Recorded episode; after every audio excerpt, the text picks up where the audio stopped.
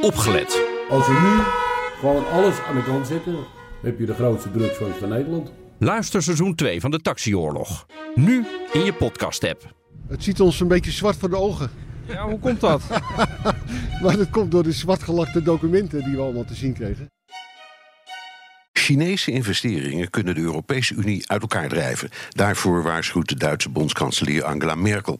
En ze doet dat omdat steeds meer Chinees geld gebruikt wordt voor Europese infrastructuurprojecten. Europa-verslaggever Laurens Groeneveld. De projecten zoals bijvoorbeeld de haven van Piraeus, die is eigenlijk helemaal in Chinese handen. eh, Die kennen we. Wat bedoelt ze op wat voor projecten heeft ze het eigenlijk nog meer? Nou, het Chinese geld gaat steeds meer richting het noorden van Europa. Er is deze week een nieuw project officieel aangekondigd door Noorwegen en Finland. En dit is echt een gigantisch project. Moet je je even voorstellen, hè? Ehm, door onder andere opwarming van de aarde kunnen schepen nu boven Rusland langs. Dus de Chinezen zeggen, dan gaan we de schepen bovenlangs laten varen. En dan meren ze aan in Noorwegen, het noordelijkste puntje boven Finland.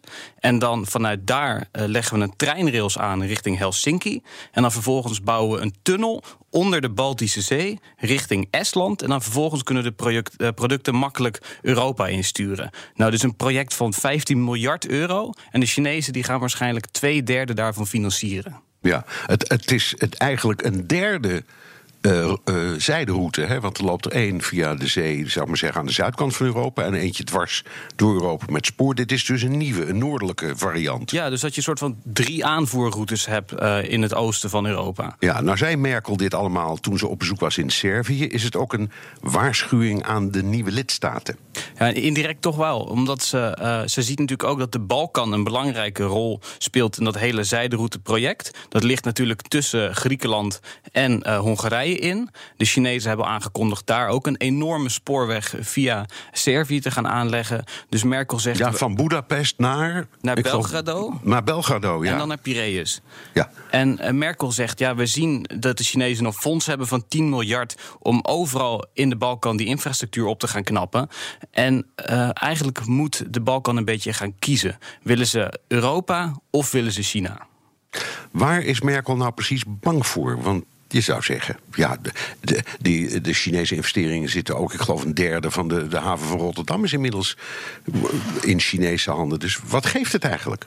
Nou, je hebt, de, de commissie heeft het eerder gezegd. Wij moeten nu uit gaan breiden naar de Balkan om de Chinezen voor te zijn. Want dat is de Europese achtertuin. eh, historisch belangrijk voor Europa. En het is niet goed als de Chinezen daar eh, te veel invloed krijgen. En Merkel neemt dat nu over. Want Merkel heeft natuurlijk ook gezien dat vorig jaar juni, dat was echt een, een keerpunt. Toen zou de Europese Unie een nieuw statement eh, aannemen over de mensenrechten situatie in China. En toen zei Griekenland vervolgens: dat gaan we niet doen, want dat is niet productief en dat werkt eh, de relatie met China tegen. En dat was de eerste keer dat dus eh, de Unie eh, en het gezamenlijke buitenlandbeleid brak. En Griekenland die, die was dus de eerste daarin en zij zegt: het zou best wel eens kunnen zijn als de Finnen, de Noren en de Esten zoveel geld van China krijgen, dat die de volgende keer ook tegen gaan stemmen. Ja, dus dat we als het ware van onze principes afstappen, omdat die Chinezen zo'n enorme invloed hebben en dus ook aan de geldkraan zitten. Daar komt het dan ook neer. Ja, ze is bang dat eh, hierdoor het, het gezamenlijke Europese buitenlandbeleid van Europa uiteenvalt. En je kunt dus ook een beetje zeggen dat eh, ze misschien wel wakker is geworden. Het was eerst de Europese Commissie die zei: hm, misschien gaat dit niet helemaal de goede kant op. En Duitsland neemt dat gevoel nu dus over. Ja. Dankjewel, Europa-verslaggever Laurens Groeneveld.